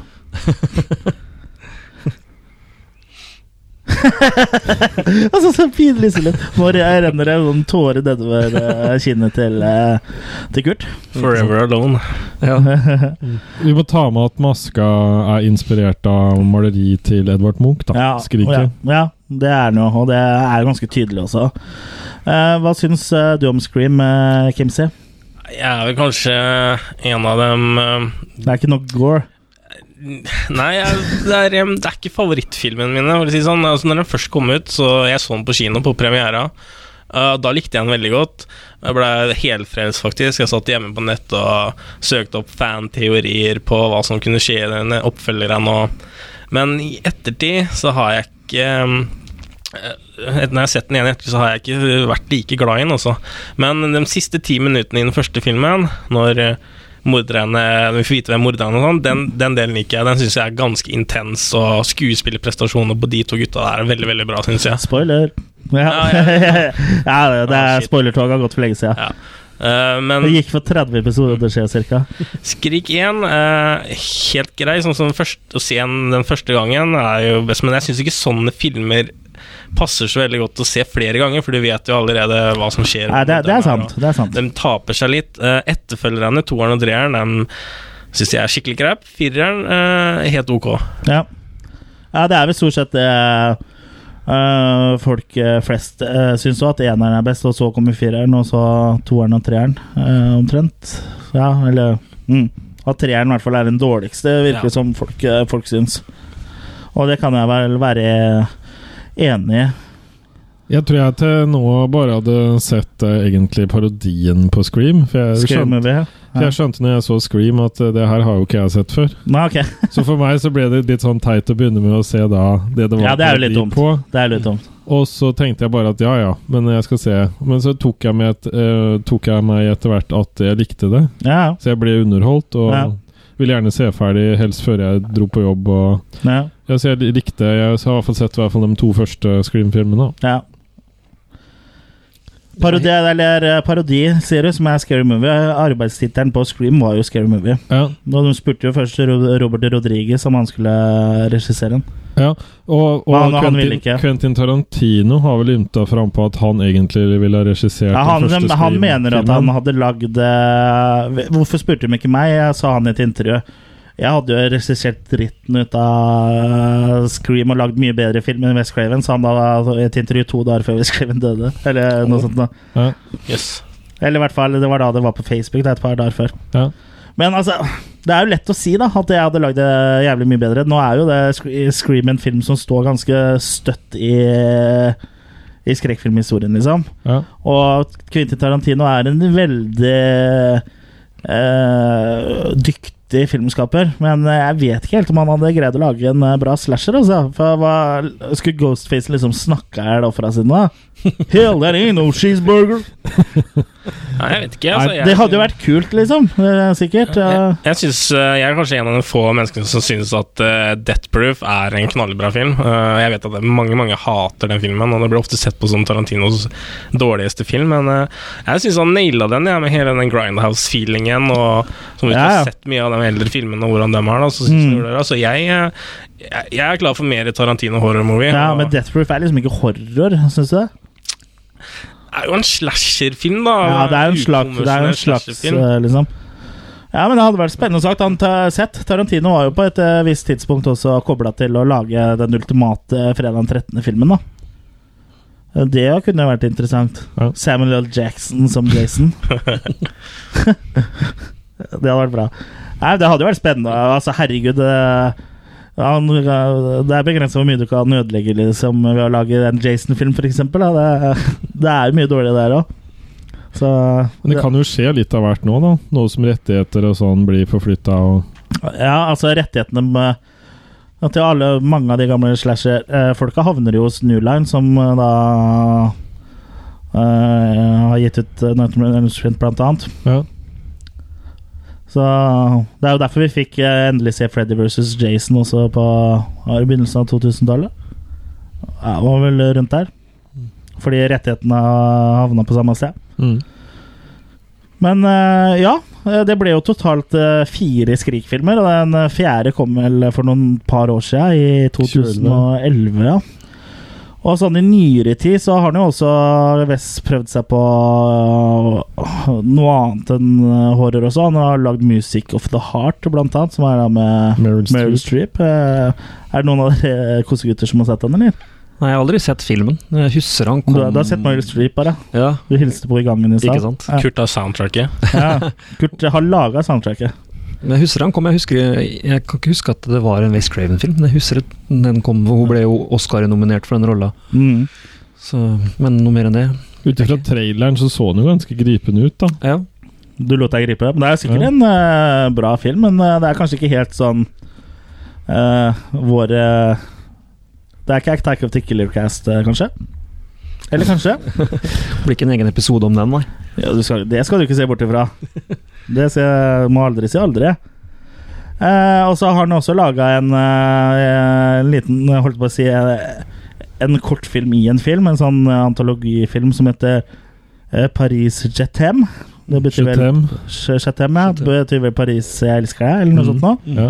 Så har han laget et lite segment her. Og så har han jo Det, det segmentet så jeg i stad. ja. Det, det var ikke mye som skjedde.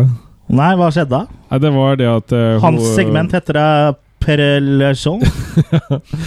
Ja, snakk litt fransk. Ja. Perelejon. Ja. Nei, det var It's me, René. Ja. Nei, det var, var, det, var, det var et par som dro til en kirkegård, og så ville hun se grava til Oscar Wilde. Og så var hun litt oppgitt over han, at, uh, hun, at han aldri fikk henne til å le, så, for de skulle gifte seg. Så hun, hun truer vel egentlig litt med at, at han er for kjedelig, at han vil ikke Men så, så når hun løper av gårde, så slår han uh, hodet i um, den der uh, deler av grava. Mm. Og, og da ser han en mann som egentlig ikke eksisterer. Så sier han homo, du, du må komme deg etter, fordi hvis ikke mm, så dør du. Du dør da av kjærlighetssorg, og det er den verste døden du kan oppleve. Og da kommer han med noe bedre gloser to, og da, da skulle de hjem, og så skulle hun få henne til å le. Høres bra ut. Også litt sånn sjelgreier der også, at han kan se en uh, sjel, tydeligvis. Da. Ja. Det var ikke Oscar Wilde, liksom? Det Nei, det tror jeg ikke. Da var det dårlig Oscar Wilde, i hvert fall. Og så har han jo også hatt Et etter Skrik eh, Eller eller mellom Skrik 3 og 4, så har han jo også hatt noen eh, horrorfilmforsøk hvor han har regissert selv, blant annet Cursed, som er en varulvfilm med Christina Ricci. Ganske forglemmelige greier. Er det noen av de andre som har sett den? Aldri hørt om. Ja, jeg så den fordi jeg hadde en litt sånn crush på henne, bare. Mm. Derfor så jeg den. Uh, filmen var ikke noe spesielt. Red Eye kom også samme året som Cursed. Er det noen av dere som har sett den? Nei. Vi, vi i Attack of the Killer Cast Vi er liksom best på ting som er før eh, 1990. Jeg har hørt at den Red Eyes visstnok skulle være bra, men eh, Ja. jeg vet ikke. Det handler i hvert fall om en dame som uh, blir kidnappa av en uh, fremmed eh, på, uh, på en flytur. Og ja, altså, Det høres jo litt sånn mer thriller ut enn horror sånn egentlig, da. Uh, Syns jeg. Og så og så har vi jo da My Soul To Take, som da er den nest siste filmen han regisserte. Mm. Og hvor da Skrik 4 er den siste filmen han regisserte.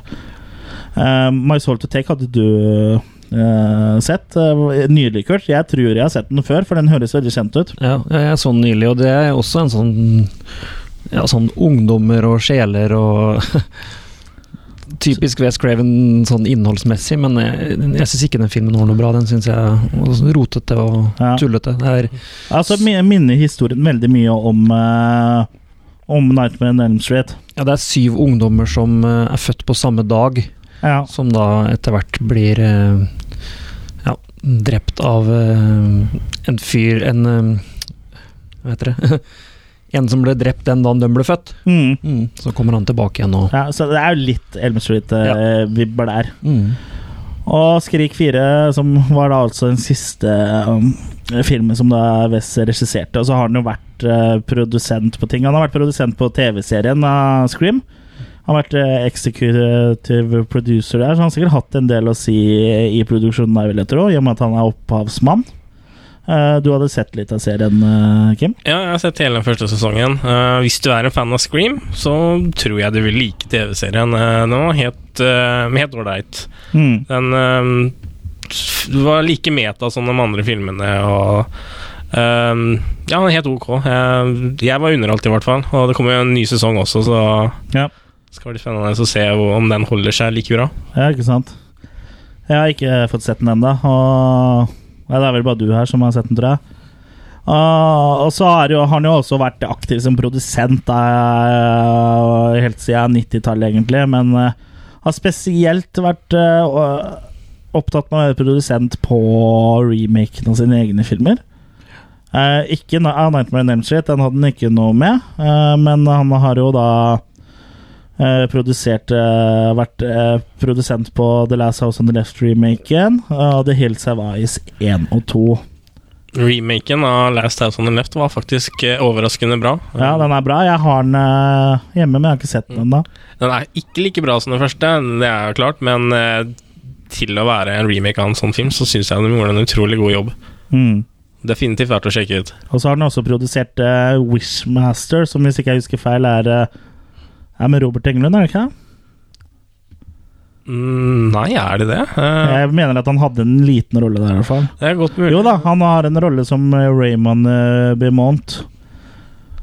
Ok, Jeg har sett noen av Wishmaster-filmene. De er eh, Hva for er- så vidt ganske underholdende. de, Ja, var det, egentlig. jeg har bare sett den første, tror jeg. Den syns jeg er eh, helt ok. Den blir jo liksom presentert sånn eh, Eller sånn West Craven Presents, Mm. Wishmaster. Så han, men han hadde bare vært produsent på den, da.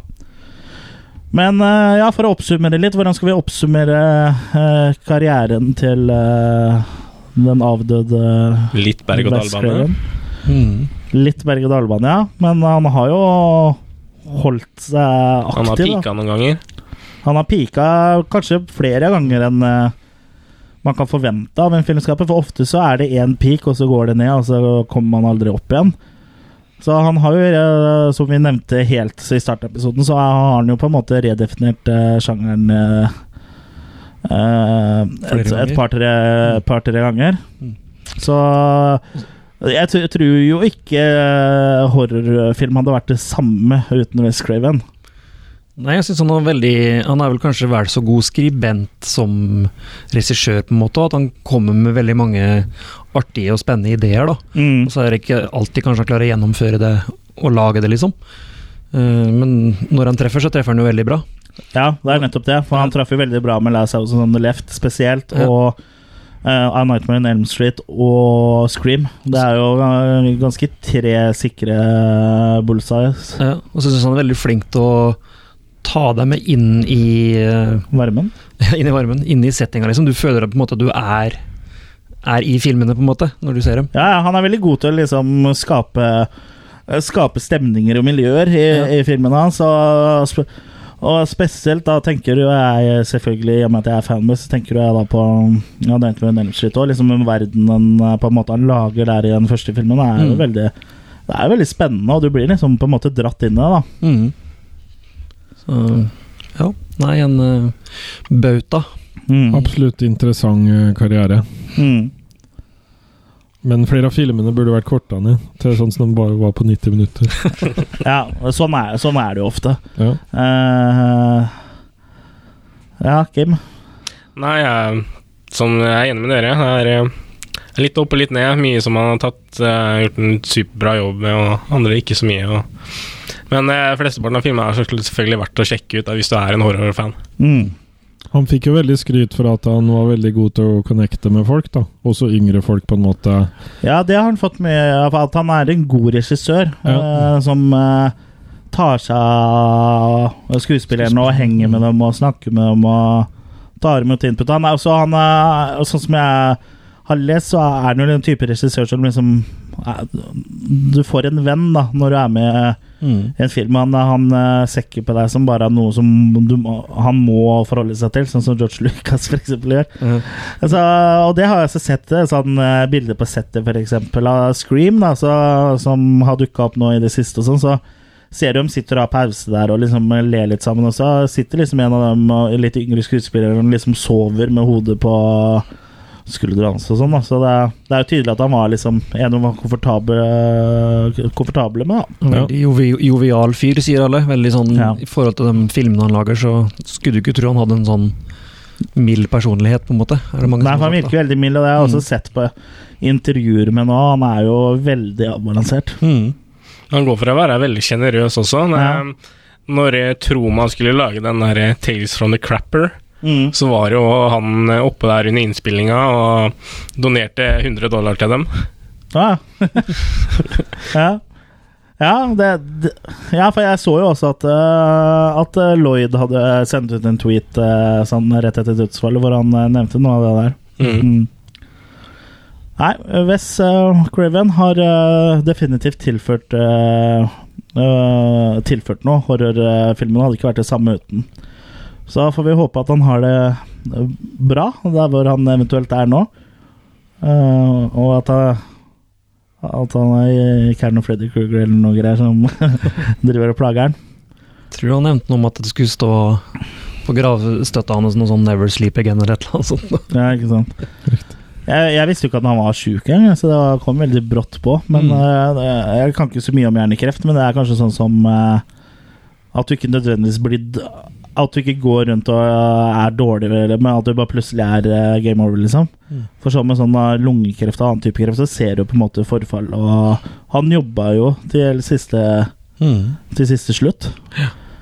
Så Og har jo sett frisk ut på de siste bildene jeg har sett. Og Mm. sånn, så Men er, jeg kan jo ikke så mye om hjernekreft, sånn sagt, så det er sikkert noe som ikke er så synlig når man har det. At, eh, at det funker helt til det ikke funker lenger. Men eh, hadde han noe film i ommen, holdt jeg på å si, eller hadde han noe som man visste var på trappene? Hjerteprosjektet hans nå var jo eh, serien uh, Scream. Ja.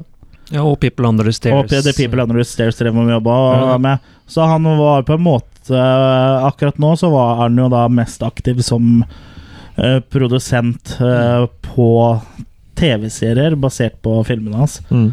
Så, men de seriene skal fortsatt uh, bli noe av, på tross av at han har gått bort. Så jeg er veldig spent på å se hvordan de løser en uh, The People Under the Stairs-serie. så det kan jo bli Og om de da går for litt den mørkere stilen, eller om det er litt eh, eh, sånn som i, eh, i filmen, da.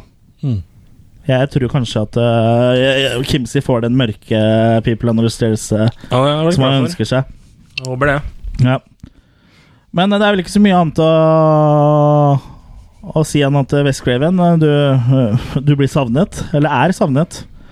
Og fram til neste gang så er det jo Ja, forresten. Eh, nå som denne episoden her blir gitt ut Ikke for å, å meg over en horn eller noe, men uh, når denne episoden her nå blir gitt ut eh, torsdag 16.9., så har jeg bursdag. Så fyller du år, ja. Ja, ja. Så Ja. da er jeg 33 år. Hurra for meg! Da må du ikke sovne. Nei. For da kommer uh, Freddy og Wes Ja. og tar meg. Hadde så gæren måte å dø på det, da. Å bli drept av en, noe jeg er fan av. Bare yeah! Kan jeg få autografen først? Hun bare Han skriver den på makkene dine. ja. Og med neste episode skal vi snakke om UHF, eh, Jørgen. Det blir en helt annen greie. Ja, og ikke bare det, men uh, Det blir helt weird. Ja, men eh, til, det blir vel til uh, neste fredag, altså da før neste episode kommer om UHF, så er vi også på Weird Al-konsert i, Oslo. Mm. Mm. Så da kommer vi til å snakke litt om eh, om eh, konserten også, selvfølgelig, når vi først skal snakke om en Weird Al-film. Så det, det blir jo stas da å kunne eh, ha en liten Weird Al-episode. Ja. Så fram til neste gang så er det jo bare å øh, følge oss på Facebook, på Instagram. Ja, det, jeg tror vi la ut en tweet uh, der uh, i januar. Ja. Ja. ja, men den la vi ut, da. Ja, den la vi, den la, la vi ut i gangs. Ja. Og så det er, altså, er det bare å følge etter oss på gata også, hvis du ser oss. Uh, ja. Ja. Og så takk for at uh, dere kom, øh, Kurt og Kim. Bare hyggelig. Takk så for oss. ses vi på andre siden, holdt jeg på å si. Ha det bra. Ha det. Ha det.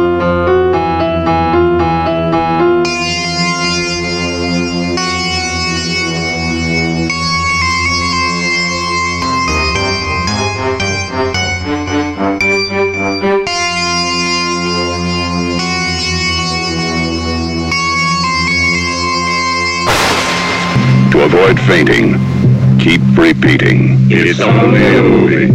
Only a movie. Only a movie.